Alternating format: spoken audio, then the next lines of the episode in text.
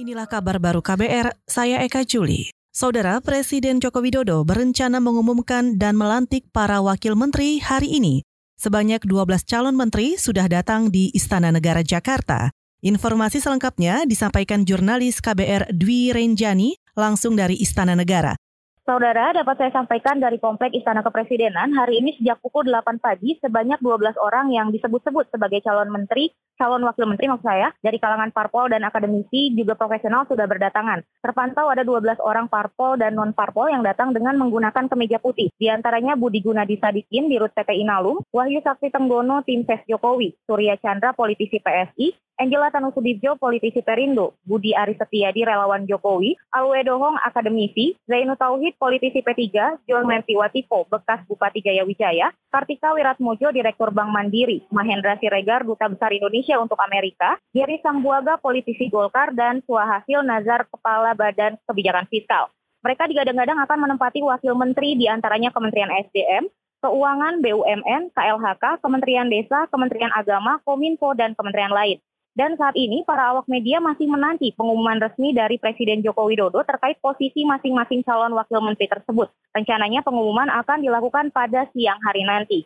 Dari Komplek Istana, Dwi Renjani melaporkan. Kita ke soal buku merah. Langkah Mabes Polri yang menghentikan proses penyidikan kasus dugaan perobekan barang bukti buku merah dipertanyakan Indonesia Leaks.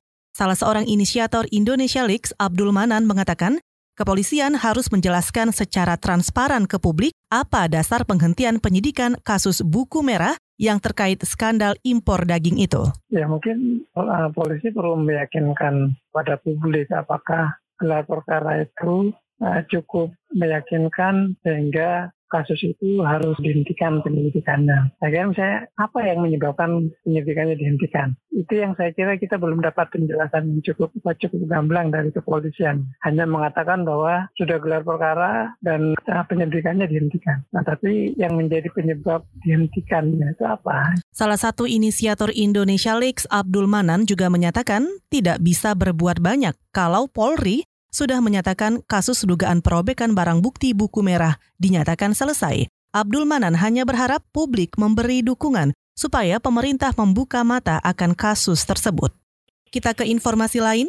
DPRD Banten mendukung penuh Pemkap Lebak dan Pemprov Banten dalam upaya mengembangkan kawasan wisata negeri di atas awan yang berlokasi di Gunung Luhur, Desa Citorek Kidul, Kabupaten Lebak. Ketua DPRD Banten, Andra Sony, mengatakan kawasan wisata negeri di atas awan memiliki potensi luar biasa sehingga bisa menjadi kebanggaan Banten. Andra juga menuturkan masih banyak yang perlu dibenahi di kawasan wisata negeri di atas awan. Misalnya, penerangan jalan umum dan pagar pembatas permanen di tebing titik lokasi untuk melihat pemandangan awan. Saudara demikian kabar baru, saya Eka Juli.